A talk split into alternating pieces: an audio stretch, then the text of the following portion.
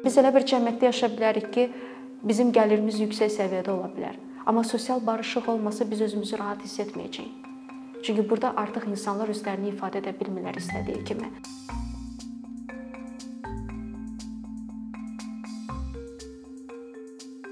Sosial sahibkarlıq dedikdə ümumiyyətlə biz nəyi düşünürük?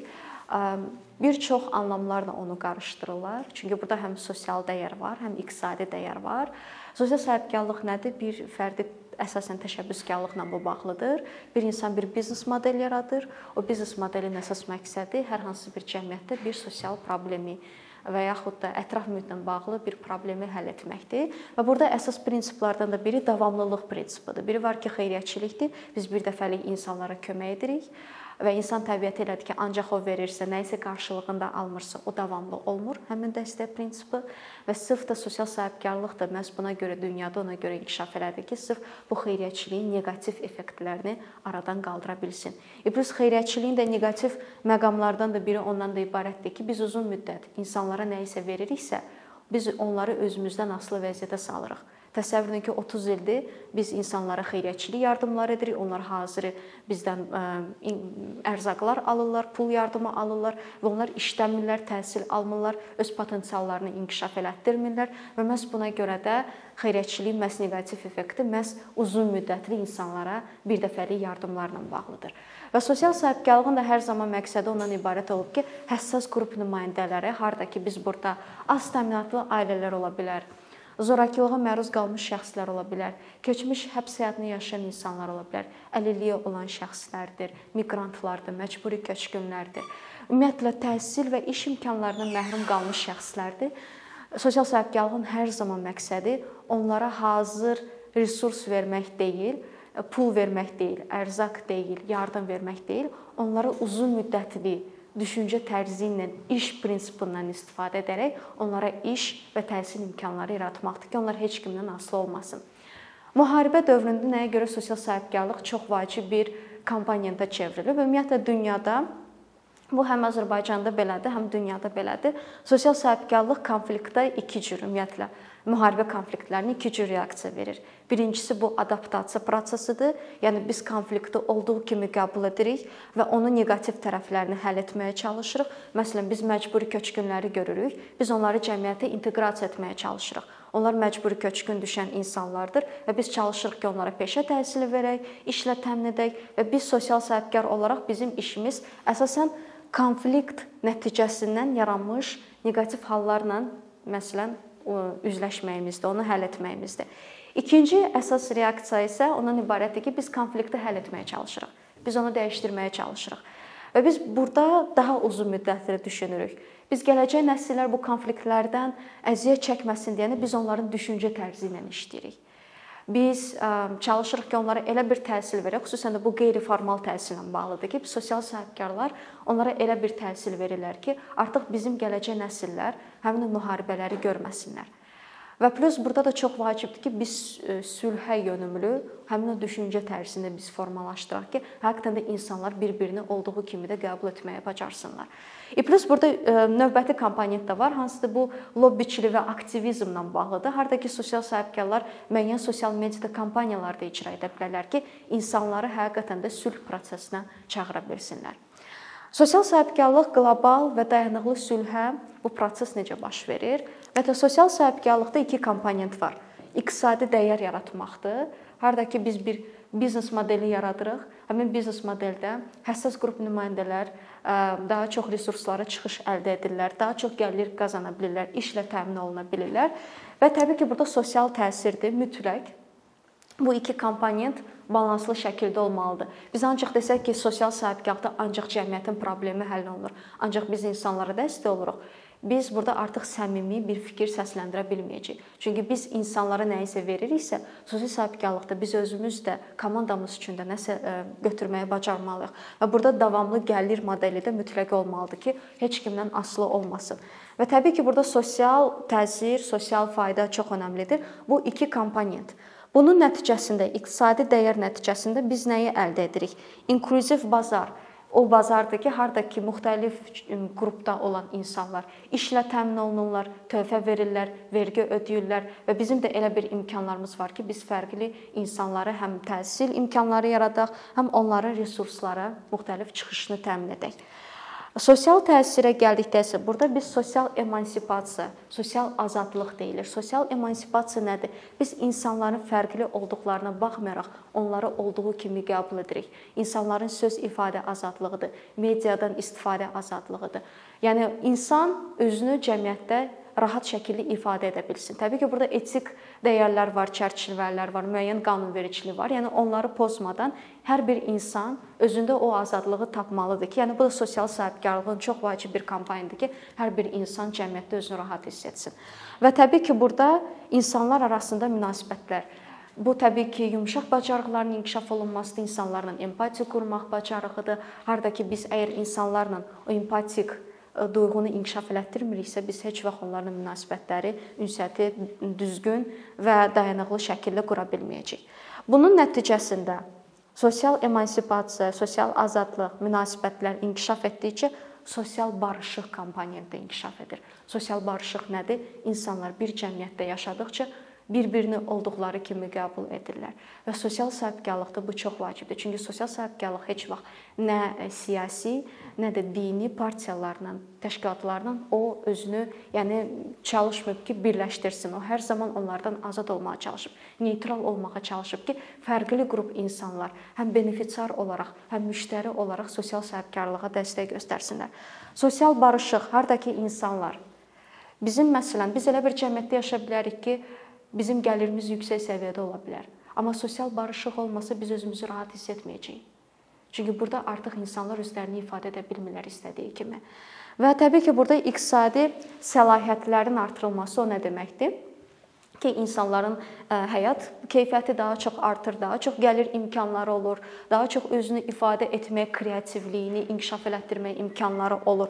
Daha çox resurslardan düzgün şəkildə e, onlardan istifadə etmək imkanları olur.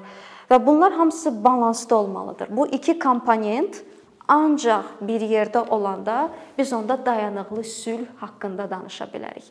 Bu iki komponentdən biri əgər mümkün olmazsa, təbii ki, biz sülhə çata bilməyəcəyik. Yəni bu bütün dünyanın apardığı bir araşdırmadır və sırf sosial sahibkarlıq nəyə görə sülh qurma prosesində, müharibə konfliktlərinin həll olunmasında nəyə görə bu qədər önəmli bir rol daşıyır? Çünki burada hər iki vacib komponent var. Nəyə görə müharibələr baş verir? Yoxsulluğa görə resurs çatışmamazlığına görə əsasən təbii ki. Yəni digər biz siyasi mesajları nəzərə almasaq yoxsulluğa görə insanlar istəyirlər ki, daha çox resursdan istifadə eləsinlər. Bəlkə də onlarda sosial barışıq yüksək səviyyədədir. Bir-biri ilə empatiya hissi yüksək səviyyədədir. Amma yoxsulluq səviyyəsinə görə insanlar bir-biri ilə konflikt yaşayırlar. Və on, burada da eyni bayaq qeyd etdiyim məsələ, sosial barışıq yenə də aşağı səviyyədə olsa, bizim gəlirlərimiz yüksək ola bilər. Burada təbii ki, sülh prosesindən biz danışa bilmərik. Ümumiyyətlə e, son dövrlər, xüsusən keçən ildə aparılan araşdırmalar bizə nəyi göstərdi? Ki, sosial sahibkarlar müharibəni e, bir imkan kimi görüblər ki, öz bizneslərini inkişaf elətdirsinlər. Bunun ən bariz nümunələrindən biri bir ölkə olaraq təbii ki, Ukraynadır. Çünki hal-hazırda Ukraynada 9 aydan çoxdur ki, müharibə baş verir və bir çox beynəlxalq institutlar, təşkilatlar sırf orada sosial sahibkarlığı, sosial iqtisadiyyatı inkişaf elətdirmək istəyirlər. Həmin o inkişaf edən layihələrdən də biri hipoterapiya layihəsidir. Çerkas regionunda orada inkişaf edir. Sosial işçi tərəfindən yaradılıb. Onun birbaşa əsas məqsədi ondan ibarət idi ki, sağlamlıq məhdudiyyəti olan uşaqları reabilitasiya xidmətləri təşkil etsinlər. Çünki hipoterapiya nədir?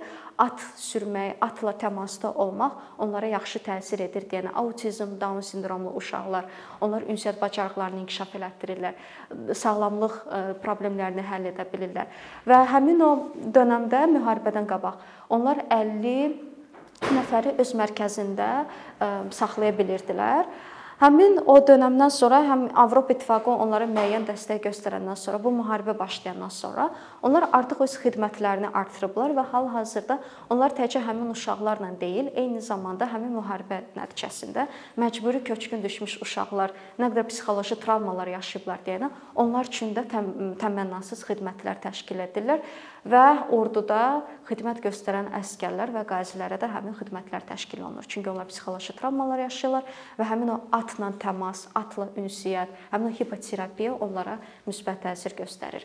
Ukraynada eyni zamanda ən çox uğur qazanmış layihələrdən biri Kafe Müsafir adlanır. 2014-cü ildə Krımla bağlı olan həmin müharibə hadisələrindən sonra əvvəl Krımda idi, yəni Krım bölgəsində müsafir kafesi var idi Krım tatarların mətbəxini təbliğ edirdi və bu hadisələrdən sonra həmin komanda Kiyevə köçdü və Kiyevdə onlar öz şəbəkəsini yaradıblar və həmin şəbəkədə restoranlar, kafe şəbəkəsində ancaq Krımdan məcburi köçkün düşmüş insanlar işlə təmin olunur. Kiyevdə və digər Ukraynanın bölgələrində Veterano Group adlı bir şirkətlər qrupu yaradılıb. O da sosial sahibkarlıq layihəsidir və həmin o sosial sahibkarlıqda müxtəlif qruplara bölünüb. Veterano Pizza, Veterano Kafe, Veterano Taksi müxtəlif ümumiyyətlə onlar şəbəkələrdən istifadə edirlər ki, sırf onlar ordudan qayıdan qaziləri işlə təmin etsinlər.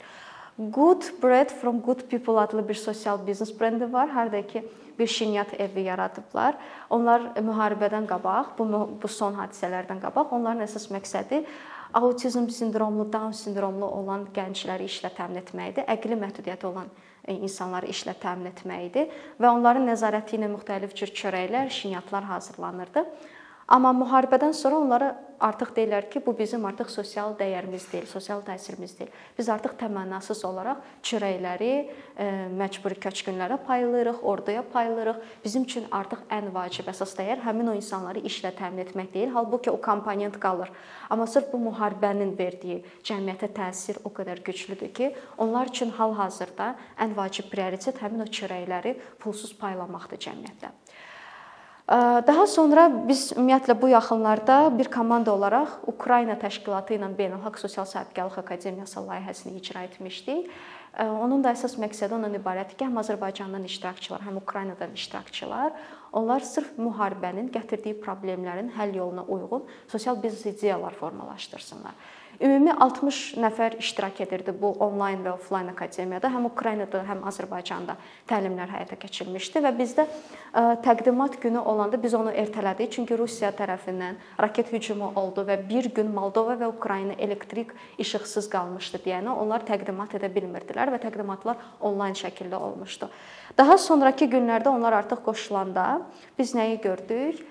Olan qalan hələ işıq yanmırdı onlarda. Olan qalan batareyalarda telefonlarından, olan qalan internetlə, megabaytla onlar öz təqdimatlarını edirdilər. Şam işığı ilə onlar o təqdimatları edirdilər və çox həvəsli idilər ki, həqiqətən müharibə dövründə nəsə bir işlər görsünlər cəmiyyət üçün.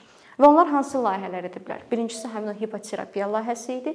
İkincisi bir fitness mərkəzi yaratmaqdır. Artıq ki insanları sağlam həyatın tərzinə cəlb etməkdir və orada işləyən instruktorlar sırf əskərlərin, qazilərin həyat yoldaşları olsun.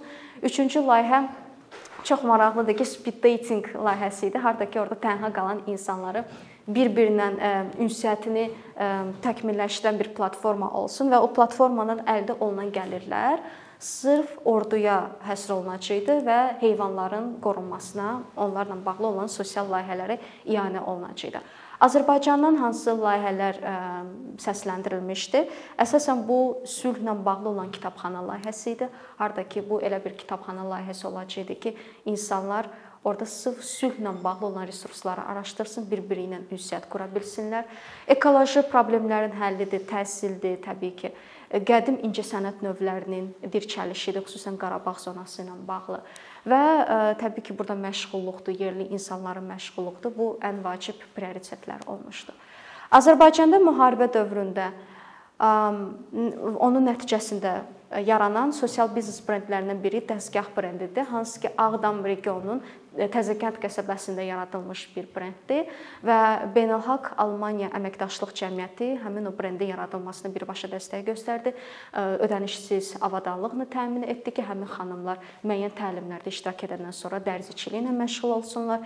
Məcburi köçkün qadınlar hansı ki, Təzəkənd qəsəbəsində indi hal-hazırda yaşayırlar, onlar işlə təmin olunsunlar, heç kimdən asılı olmasınlar və əldə olunan gəlirlərin 5%-i heç olmasa orada yerli qadınların və icmaların inkişafına həsr olunsun. Və hal-hazırda da ümumiyyətlə sosial sahibkarlıqda təkcə məsələn biz əgər danışsaq həm Azərbaycan misalında, həm dünya misalında Azərbaycanda hal-hazırda çox böyük bir imkan var sosial sahibkarlığın inkişafı üçün. BMT-nin inkişaf proqramı və Avropa İttifaqı 2024-cü ilə kimi çox böyük bir layihə üzərində işləyirlər ki, sosial sahibkarlığa həm maddi baxımından, həm texniki baxımdan, həm mentorluq, həm təlim baxımından onlar müəyyən işlər görürlər. Kifayət qədər böyük büdcələr ayrılıb bunun üçün. Əgər sizin də sosial biznes ideyalarınız varsa, mütləq müraciət edin.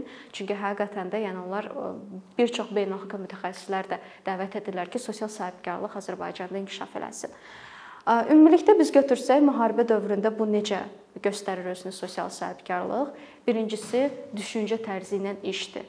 Hər şey düşüncə tərzi ilə başlayır. Biz hansı sahəyə girişiriksə, hansı sahədə dəyişiklik etmək istəyiriksə, hər şey düşüncə tərzi ilə başlayır. Mən bir insan olaraq Oksford Universitetində təhsil ala bilərəm.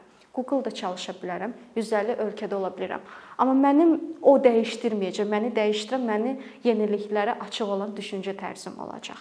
Çünki əgər mənim düşüncə tərzim konservativdirsə, yeniliyə açıq deyilsə, həmin o 150 ölkəyə getməyimin heç bir xeyri olmayacaq. Çünki mən sadəcə ona imkan vermirəm ki, o məni dəyişdirsin. Və sosial sahibkarlıqda da ən böyük prioritet sırf müharibə dövründə və sonrakı sülh quruculuq prosesində də belə sırf insanların düşüncə tərzi ilə bağlı olan o işdir. İkinci məqam məcburi köçkün olan insanlarla həssas qrup nümayəndələrlə, hansı ki, bu qazilərdir, yaralanmış insanlardır onlara psixoloji dəstəkdir və onları cəmiyyətə qazandırmaqdır, cəmiyyətə inteqrasiya prosesidir. Növbəti təbii ki, ekoloji məsələlərdir. Çünki bizdə də Azərbaycanda ekoloji terror hadisələri çoxalıb bu müharibə dövründə və təbii ki, çox vacibdir ki, biz sosial sahibkar olaraq da ekoloji problemləri biz unutmayaq. Müharibə dövründə bir çox insanlar texnologiyaya çıxış imkanlarından məhrum qalmışdı və sosial sahibkarlıqda da bu çox vacib komponentdir ki, insanlar bərabər imkanlarda onlar təmin olunsunlar. Bərabər texnoloji imkanlarla təmin olunsunlar. Çünki biz əgər burada inkişaf haqqında danışırıqsa, startapların qurulması olsun, onlayn layihələr olsun, təlimlər olsun, beynəlxalq layihələr olsun. Əgər müxtəlif regionlarda biz adicə internetə çıxış əldə edə bilmiriksə, təbii ki, sosial sahibkarlığın inkişafı haqqında danışa bilmərik. Və təbii ki, burada insanların məşğulluğudur incəsənətin dirçəlişidir. Çünki biz əgər qədim incəsənətimizi, tariximizi unuduruqsa, təbii ki, biz burada, yəni insanların məşğulluğu, insanların təhsili haqqında da heç nə deyə bilmərik. Sosial sahibkarlıqda 7 prinsip var. Ən vacib prinsiplərdə çıxışımı da ondan sonlandırmaq istəyirəm. Birinci əsas prinsip ondan ibarətdir ki, siz cəmiyyətdə hər hansı bir sosial və yaxud da ətraf mühitlə bağlı problemi həll etməlisiniz. İkincisi, maddi və iqtisadi olaraq siz azad olmalısınız, müstəqil olmalısınız. Təbii ki, siz qrantlar əldə edə bilərsiniz, sponsorlardan müəyyən qrantlar e, və yaxud da təkliflər ala bilərsiniz. Amma bu davamlı şəkildə getməməlidir. Sizin bir məhsulunuz, xidmətiniz olmalıdır ki, ondan əldə olunan gəlirlərlə sizə sosial təsirinizi edə bilərsiniz. İnvestor sosial biznesə yatırım edirsə, ancaq yatırdığı məbləği geri qaytara bilər. Məsələn, mən investoram, sosial biznesə 1000 dollar yatırıram, 1000 dolları mən geri qaytararam. Növbəti prinsipdə həmin o əlavə faiz, məsələn, mən 1000 dolları yatırdım. Həmin sosial biznes 1500 dollar qazandı. Həmin o mən 1000 dolları götürürəmsə, sosial biznesdə qalan həmin o 500 dollar qalır şirkətin özündə və istifadə olunur sosial fayda üçün. Mən bir investor olaraq mənə maraqlıdır ki, həmin sosial biznes cəmiyyətə faydalı işlər görsün layiqli əmək şəraiti, haqqı olmalıdır. Çünki biz insanlar üçün faydalı işlər görürsə, insanları istismar ediriksə, bu sosial sahibkarlığa zidd bir prinsipdir. Ətraf mühitin qorunması, gender həssas məsələlər burada mütləq olmalıdır. Çünki əgər biz yenə də deyirəm, sosial biznesi biz qururuqsa, amma biz diskriminasiya ediriksə, komanda işində benefisiarlara qarşı diskriminasiya, ayrı seçkili prosesləri olursa, təbii ki, biz burada yenə də sosial sahibkarlıq haqqında danışa bilmərik. Və 7-ci prinsip ən vacib prinsip biz öz işimizi, insanları sevməliyik. Biz insanları sevməsək, işimizi sevməsək, biz heç vaxt onların problemini həll edə bilmərik. Təşəkkür edirəm dinlədiyiniz üçün.